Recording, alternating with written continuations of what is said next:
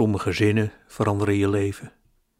Dit weekend las ik zo'n zin in de bijlage van het Parool. Ik lees hem even aan u voor.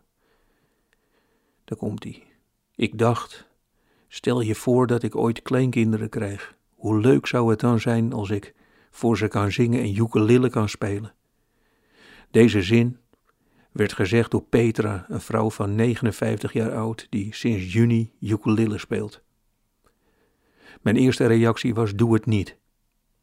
Ik denk dat dat door de cabaret-associatie komt. Veel beginnende cabaretiers gaan met een ukulele voor op het podium staan en zingen een tekst over walvissen. Dat supermarkten heel stom zijn en dat hun vriend zijn vieze sokken niet in de wasman doet. Ken u dat mensen? Maar nu, na deze zin van Petra, zie ik het opeens heel anders. Iedereen zou ukulele moeten spelen. Het is een andere manier van kijken.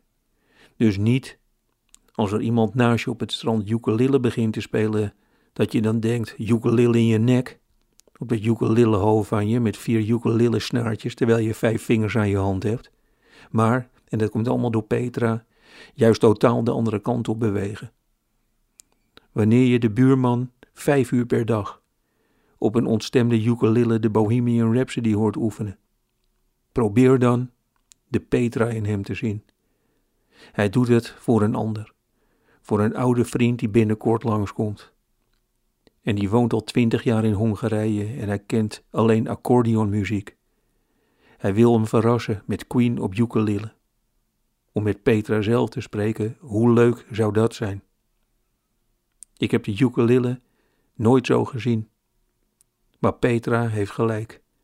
Je wordt een aandoenlijker, liever, leuker mens met een ukulele in je hand.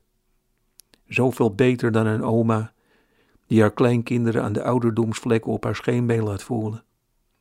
Misschien heeft Thierry Baudet gelijk en moet Mark Rutte de dove tolk voortaan thuis laten. Ze bek houden, alleen een stukje op zijn ukulele spelen en weer verdwijnen. Schreeuwjournalist Sven Kokkelman, als je die tijdens interview zachtjes op een ukulele laat tokkelen, dan krijg je meteen een heel andere sfeer. Als die ik doe niet meer mee waterbedlipartiesten hun eende snuitje op het trillende hout van een ukulele zouden leggen, dan voelden ze voor het eerst in hun leven echte liefde.